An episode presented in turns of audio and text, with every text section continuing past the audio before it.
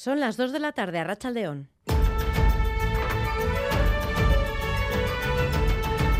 Crónica de Euskadi con Irache Martínez. Primera reacción del gobierno vasco después de que ayer conociéramos el fin de la dispersión de los presos de ETA. Su portavoz, Bingen Zupiría, ha dicho que estamos ante un paso para avanzar en la convivencia.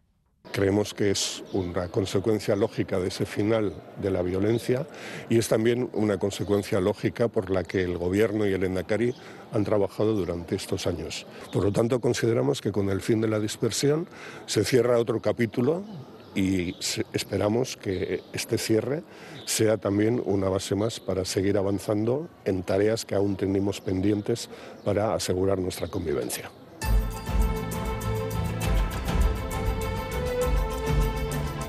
Además, varios líderes políticos vascos que no se pronunciaron ayer sobre este asunto lo hacían esta mañana. Desde el PNV, Antonio Ortúzar hablaba de un paso positivo, mientras que desde el Partido Popular, Raquel González ha dicho que acercar presos es el pago del gobierno a EH Bildu y liberarlos es el pago al PNV.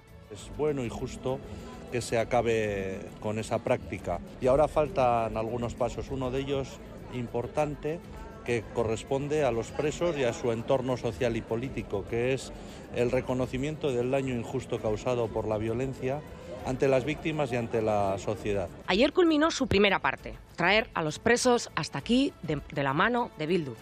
Acercar a presos era el pago a Otegui, liberarlos es el pago al PNV. También por siete votos para el gobierno de Sánchez.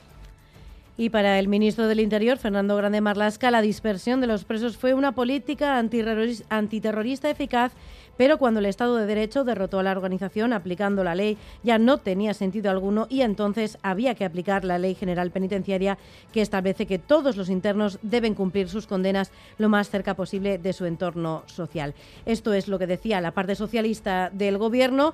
Pero la parte del Gobierno español de Unidas Podemos, eh, Yone Belarra, también ha hablado. La ministra de Derechos Sociales ha dicho que el Gobierno está cumpliendo con la legalidad. Este gobierno cumple con la legalidad y creo que es lo que se puede esperar de un gobierno serio y responsable como este.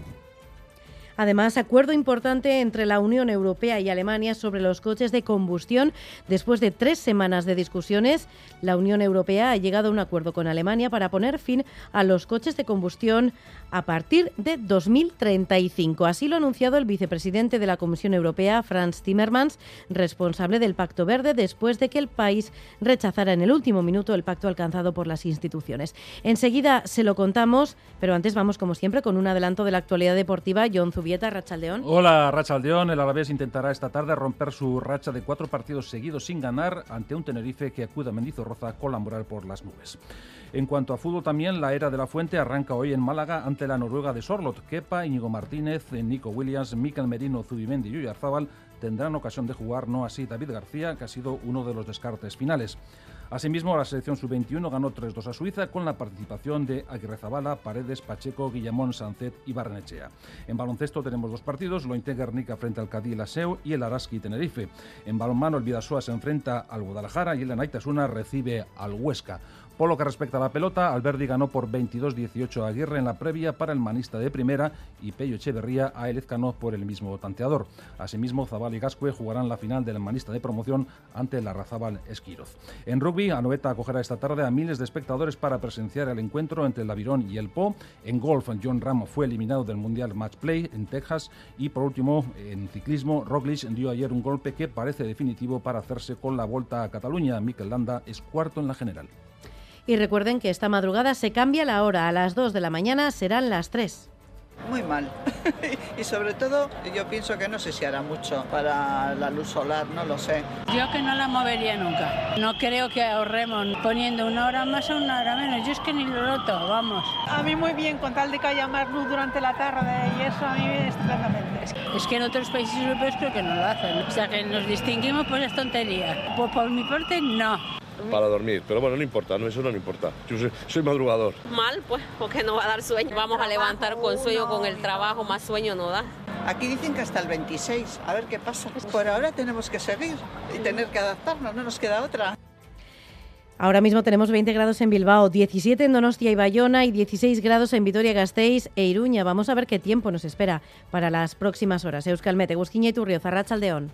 A Rachaldeón, durante las próximas horas seguiremos con ambiente soleado. Las nubes altas irán a más, pero sobre todo por la noche. Al final del día el cielo quedará cubierto, pero mientras tanto tendremos agradables ratos de sol. Soplará el viento del sur en el interior, tendremos brisa en el litoral y la temperatura rondará los 20 grados.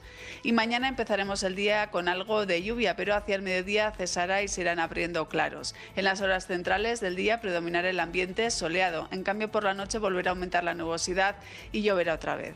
Las temperaturas diurnas descenderán, las máximas se registrarán de madrugada, luego irá enfriando poco a poco y en las horas centrales en general los termómetros estarán por debajo de los 15-16 grados. Además el viento del oeste-noroeste será intenso y hará que la sensación térmica sea menor.